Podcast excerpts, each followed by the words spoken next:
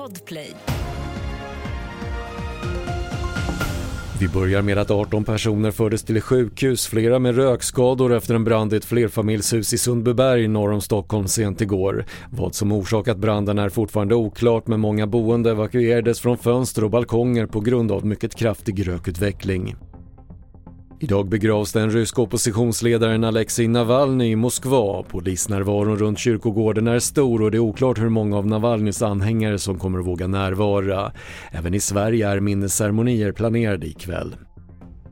Och trots ekonomiskt tuffa tider verkar bokbranschen tuffa på och försäljningen ökade något under förra året enligt siffror från Svenska förläggareföreningen. Skönlitteratur ökar mest medan facklitteratur och barn och ungdomsböcker backar. Vi ser ju absolut en trend bland klassiker och serier och mycket vackra böcker. Men också det som är populärt såklart, som kommer med på Babel och andra program, som är på eh, olika tidningars topplistor, är såklart det som är populärt. Det sa Victoria Kläfter på Akademibokhandeln och fler nyheter hittar du på tv4.se. Jag heter Patrik Lindström.